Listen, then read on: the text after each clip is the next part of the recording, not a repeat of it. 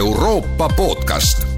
saade valmib koostöös Euroopa raadiote võrgustikuga Euronet pluss, mõista Euroopat paremini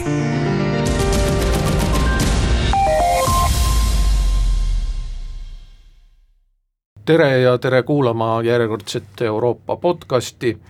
esmaspäeval pingestus olukord Poola-Valgevene piiril, kui Poola hakkas tahtma tuhandeid migrante.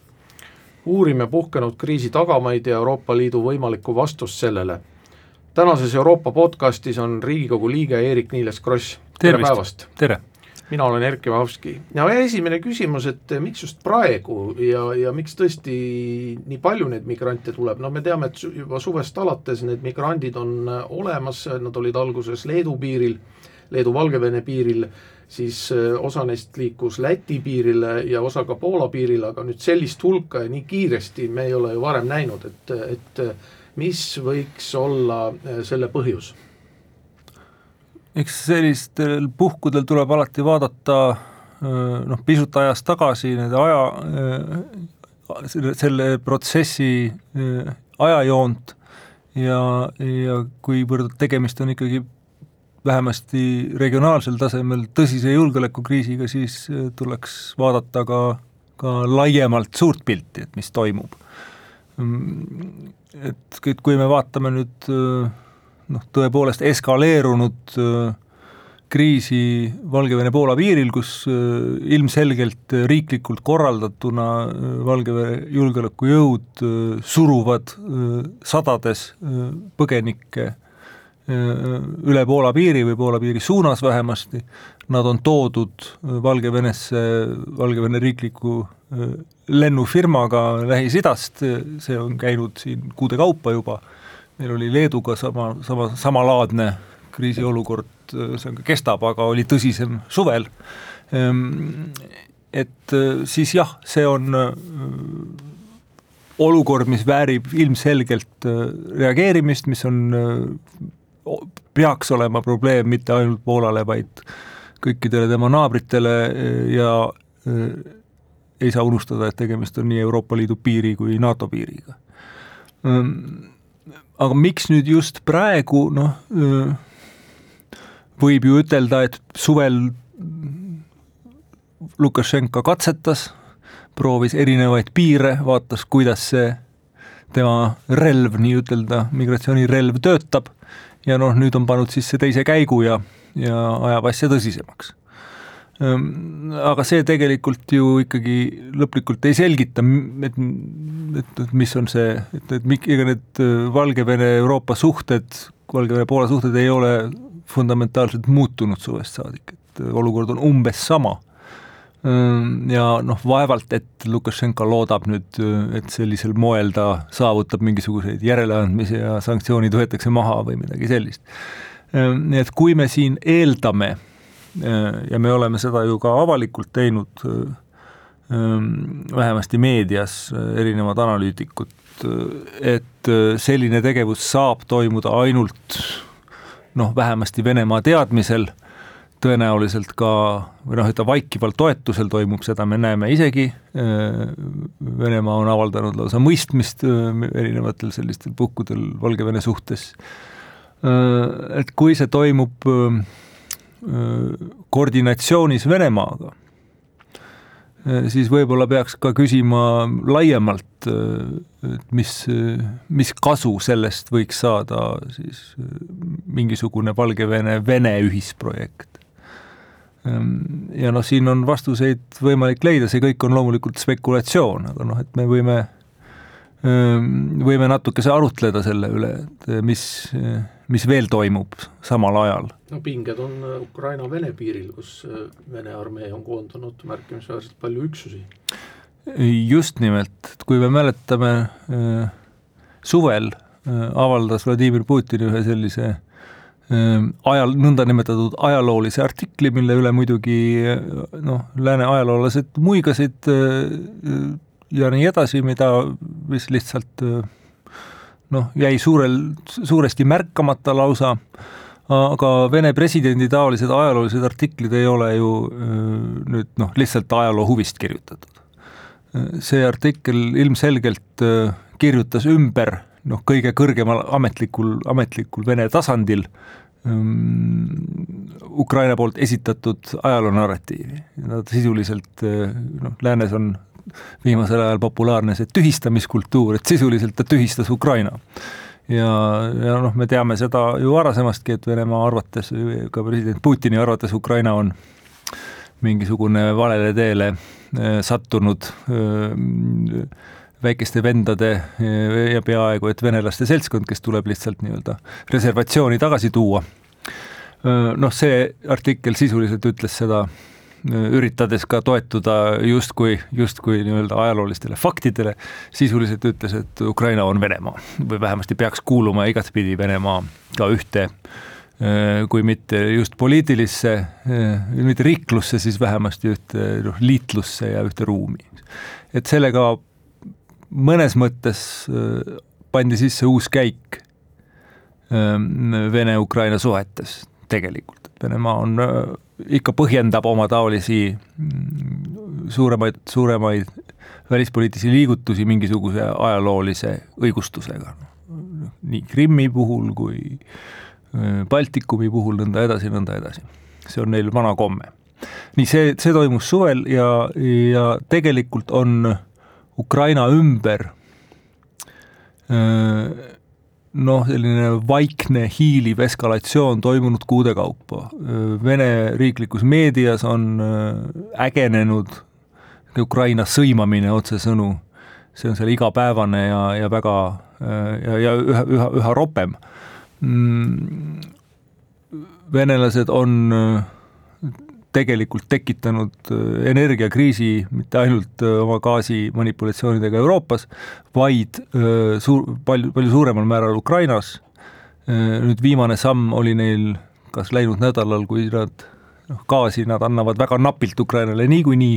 aga nüüd nad sulgesid ka söe tarned läbi Venemaa Kasahstanist, mida Ukraina kasutas üsna palju, kasutab Kasahstani sütt, see suleti nii et valmistatakse justkui ette, noh surutakse Ukrainat mitmelt poolt ja loomulikult siis vägede koondamine. väed on nüüd siin viimase kuu jooksul on jälle, nagu ka me nägime kevadel, hakatud koondama manööverüksusi, soomusüksusi mm, murettekitavalt palju Ukraina piiri lähedas, lähedusse. Ja kui kevadel lääne julgeolekuteenistused suhtusid sellesse koondamisse noh, küllaltki rahulikult, asjatundjad ütlesid, et jah, see näeb välja pigem ikkagi kui jõudemonstratsioon, aga ei pruugi midagi muud tähendada, et seal ei, ei ole nagu seda nägu, see asi, et hakata, et seda võiks kasutada otseseks rünnakuks erinevatel põhjustel oli see hinnang see, siis seekord on hoiak erinev, kui keegi märkas, siis äh, ameeriklased saatsid äsja Moskvasse äh, luure keskagentuuri peadirektori, mis on iseenesest juba üsna haruldane visiit, kes vestles erinevate Vene kõrgete ametnikega, ka Putiniga, ja tema sõnum oli just see, et Ameerika jälgib äärmiselt tähelepanelikult ja on mures. Et ameeriklased on mures, seda on ka meediast nüüd läbi jooksnud, et nad on võtnud ühendust NATO riikide pealinnadega vist kõigiga enam-vähem ja öelnud, et, et nad, nad muretsevad selle üle, mis toimub Ukraina piiril, see on ebaharilik ja tuleb anda sõnumeid, et, et venelased ei teeks midagi rumalat nii-ütelda. Eh, nii et see, kui, kui seda, seda pilti kõike arvesse võtta, siis võiks ju vaadelda eh, Poola, Valgevene piiril toimuvat kui lihtsalt sellist äh, parti, et maailm pöörab kõik oma, vähemasti Euroopa pöörab pilgud sinna. jah ja,, noh, selline hanitamine, et ja diversion inglise keeles, et noh, need riigid, kes on kõige agaramad, seisavad Ukraina eest tõenäoliselt Euroopas ja NATO-s ehk Leedu ja Poola on otseselt seotud, neil on oma jama küll, praegu on üleüldse sobiv aeg äh, jutumärkides äh, selliste aktsioonide korraldamiseks, sest suurriigid Euroopas on suhteliselt hõivatud, Saksamaal pannakse valitsust kokku ja käivad koalitsiooniläbirääkimised, keegi ei tea, kes uude valitsusse tuleb sakslastel on lisaks tekitatud ka suur probleem gaasiga Venemaa poolt, Prantsusmaa ja Suurbritannia on suures kalandustülis, nii et olukord on suhteliselt kõhedavõitu jaa, aga ma ütleks, et äh, võib-olla on ka selliseid häid sõnumeid, äh, kui, kui nii võib üldse selles äh, kriisis väljenduda. Ja noh, ma mõtlesin seda, mõtlesin seda, et erinevalt kahe tuhande viieteistkümnendast aastast, kus siis Euroopa Liit ei osanud selle rändekriisiga midagi teha ja, ja noh, see rändekriis oli eelkõige ikkagi humanitaarse iseloomuga, et inimesed tõesti põgenesid kodusõjas eest ja, ja noh, reaalse lahingutegevuse eest, peamiselt Süüriast siis praegu tegelikult ju Euroopa Liit äh, oma äh, komisjoni presidendi Ursula von der Leyeni sõnade kaudu on selgelt öelnud, et see on hübriidrünnak. Ja Euroopa Liit on võib-olla ka paremini valmis selleks äh, rändekriisiks, et noh, võime siin nagu arutleda, et kas see on nüüd ilmtingimata humanitaar põhjustel noh, suuresti ju ei ole seda, eks ole, et tegemist on teadlikult esile kutsutud kriisiga Valgevene poolt aga noh, nii või teisiti Euroopa Liit on selleks paremini valmis ja võib-olla ja on ta siis ka valmis paremini mõistma nii Poola kui ka Leedu tegevust piiril. No kindlasti on siin, on siin palju, palju arenetud ja mitmel põhjusel, esiteks see kriis ongi teistsugune, kui ta oli kaks tuhat viisteist, kuusteist. sest tõepoolest, kuigi ka siis, kui üle Vahemere tuldi parvedes ja ja Türgist Kreekasse, noh, sadadest tuhandetest tuli igasuguseid põgenikke, siis oli see jah, suurel, vähemasti osalt ehtne humanitaarkriis, tõesti põgeneti sõja eest ja see oli suurel määral inimkaubitsejate, noh, organiseeritud kuritegevuse eh, poolt siis läbi viidud, kes teenisid kõvasti raha ja Euroopa oli noh, ette valmistamata ja vaatas alguses ikka suu lahti seda, mis toimub ja suurt midagi ei osanud peale hakata. Ehm, seekord on tegemist noh, ikkagi üsna teistsuguse asjaga, noh, tol ajal kaks tuhat kuusteist me mäletame, Türgi ühel hetkel hakkas ähvardama Äh, Euroopat, et me võime piirid uuesti lahti teha ja seal natukene mängiti selle mõttega, et kasutame seda surve, noh, survestati ju, äh, noh, pressiti raha välja otsesõnu Euroopalt selleks, et Türgi ei laseks rohkem läbi. Äh, aga seekord on asi noh, kõigile selge, et tegemist on Valgevene julgeolekujõudude, Valgevene riigi poolt läbiviidava operatsiooniga et sellel ei ole humanitaarkriisiga mitte midagi tegemist. jah, et humanitaarkriis tekib seal vähemasti nende isikute suhtes, kes, ke-, keda ära kasutatakse. Ja, ja see on tõsi, et Euroopa Liit on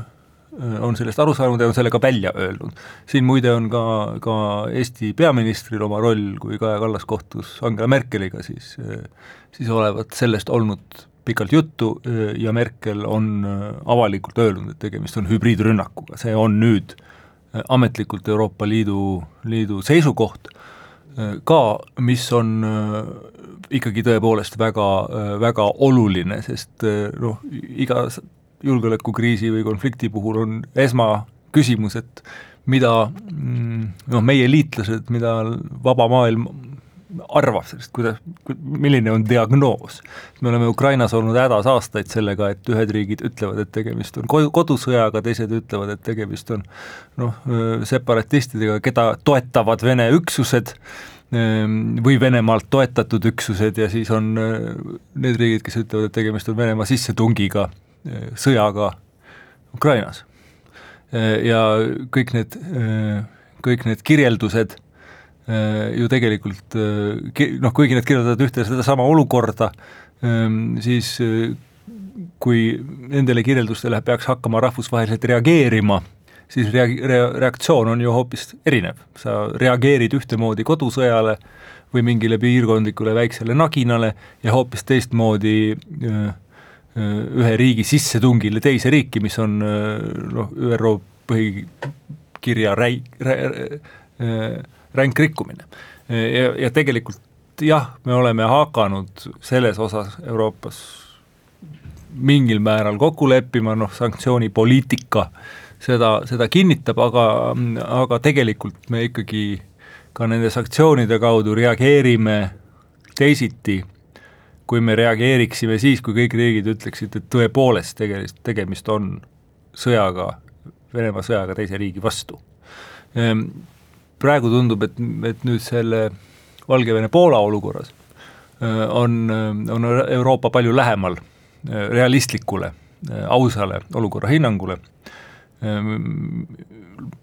muidugi Poolal on probleeme Euroopa Liidus muudes küsimustes ja Lääne-Euroopa ei tõtta ilmtingimata kohe Poolat toetama, aga praegu on see olukord ikkagi Lukašenka poolt niivõrd äh, jõhkralt välja mängitud, et äh, et noh, ei ole võimalik teeselda, et tegemist on millegi muuga kui sellega, mis ta on ja see on, see on ikkagi hübriidrünnak. no kuidas sa hindad üldse Euroopa Liidu tegevust praegu, et noh, kunagi sa olid ju selline väga irooniline, sa tegid kunagi isegi tabeli, kui puhkes äh, Ukraina sõda ja tõid seal välja Euroopa Liidu ja USA vastused, et sealt olid siis umbes sellised väljendid, et ollakse sügavalt mures ja siis ollakse väga sügavalt mures ja väljendame oma rahulolematust ja mõistame tungivalt hukka, et praegu tegelikult Euroopa Liit vist on saanud jalad kõhu alt välja, aktiivne diplomaatia käib, ma mõtlen siin selle all seda, et et Äh, üritatakse siis äh, veenda ka neid äh, riike, kust need migrandid sinna Valgevenesse tulevad, neid lende sinna lõpetama, no nii nagu Euroopa Liit õnnestus Iraagile auk pähe rääkida, et Iraagist enam neid põgenikke sinna Valgevenesse ei, ei tuleks. ja pluss siis muidugi sanktsioonid. jah, neid põgenikke tuuakse, nagu sai öeldud, põhiliselt siis Belavia lennufirma abil ähm, Euroopa liit on lõpetanud Belavia lennud äh, pärast, äh, pärast tolle Navalnõi äh, kolleegi are-, arreteerimist, lennukilt mahavõtmist ja arreteerimist. aga on pa-, mitmed riigid, kust need lennud jätkuvad, tõesti Iraagiga, kus esimeses faasis tuli väga palju Leetu, seal nendega te-, Iraagiga tegelesid leedulased ise, tegeles Euroopa Liit, tegelesid, tegelesid ka ameeriklased, ja sealt tundub, et see asi on vähenenud, ehm, aga väga mitmest riigist endiselt lennatakse. Ja, ja noh, on ju selge, et ehm, ega selles küsimuses nüüd mingit erilist diplomaatiat Lukašenkoga ajada noh, võib proovida, aga mis, mis Euroopa Liit seal ikkagi siis läbi räägib. et me oleme ju siis, me ei tunnusta teda presidendina, ta on suhteliselt karmide sanktsioonide alla pandud, et mis me siis nüüd ütleme, et ole hea mees, ära tee. Eks Euroopa Liit seda saab ka aru, et, et seal väga palju ru-, diplomaatia ruumi ei ole, et on äh, järelikult äh, vajalik leida survemehhanismid, et kuidas see kinni panna. Ja noh, üks tee oleks äh, ilmselt laiendada sanktsioone Belavia suhtes, et võtta väga karm seisukoht, noh nii, nagu on võetud seisukoht äh, nende Vene ettevõtete suhtes, kes on Ukraina või Krimmi asjas, asjades eh, Euroopa ja Ameerika sanktsioonide all, et keelatud on ka äritegevus nende firmadega, lääne firmadel. noh, see on see kõige valusam koht neile. nii et, eh, et oleks loogiline nüüd, kui, eh, kui Euroopa ütleks, et kõik riigid, kes teevad Belaviaga koostööd, et me paneme ka teie lennufirmad sanktsioonide alla sest näiteks Gruusia praegu lend-, Gruusiast lendab mitu lendu päevas, kuigi nad on siin toetanud nende presidendi allkirjaga Poolat, siis teiselt poolt sealt tuleb lennukeid sageli, rääkimata kaugematest riikidest. no sa mainisid Kaja Kallast ja viimane küsimus puudutabki Eestit, et mida Eesti saab sellest käimasolevast kriisis ära teha, et me oleme Leedule osutanud juba abi, Poola tegelikult vist on need abipakkumised kõik tagasi lükanud, et, et Poola saab nagu ise hakkama, aga ilmselt on siis tähtis tõesti sellise diplomaatilise frondi, ühisfrondi loomine. jah, no mida Poola eh, ilmselt natukese pelgab eh,, Poola on tõepoolest nagu sulgenud eh, enam-vähem selle piiriala eh, ja nende piirivalve noh, lihtsalt kaitseb piiri nende vahenditega, mis neil parasjagu on. et on ilmne, et nad ei ole seal väga pehme käega. ja tõenäoliselt Poola pelgab pisut, et, et Euroopast hakkab tulema kriitikat, et nii ei tohi kohelda piiriületajaid ja nõnda edasi, et antud juhul on tõenäoliselt Eesti üks ülesanne Poolat toetada ka selles asjas, et tõepoolest, et vähemasti, et kui Euroopa ei saada oma jõude appi, mida Poola võib-olla tõesti ka ülemäära hetkel ei vaja, et, et siis Euroopa vähemasti äh, ei hakkaks äh,, ei hakkaks Poolat kritiseerima selle eest, et Poola kaitseb Euroopa piiri, et praegu tuleb neid igal juhul toetada äh,. Eesti on Leedut aidanud üsna üsna kenasti, seal on politseiüksused käinud, ka praegu peaks olema keegi seal kohal äh, ja, ja nõnda edasi, et loomulikult, kui Poola sellist asja tarvis, Poola sellist asja tarvis on, siis Eesti kindlasti peab olema selleks valmis, mm, aga pigem hetkel äh, ühtse positsiooni saavutamine ja vastumeetmete kokkuleppimine Brüsselis on kindlasti see, mis, mis on kõigi, kõigi huvides aitäh, Eerik-Niiles Kross, see oli tänane Euroopa podcast, mina olen Erkki Bahovski, kõike head ja kuulmiseni!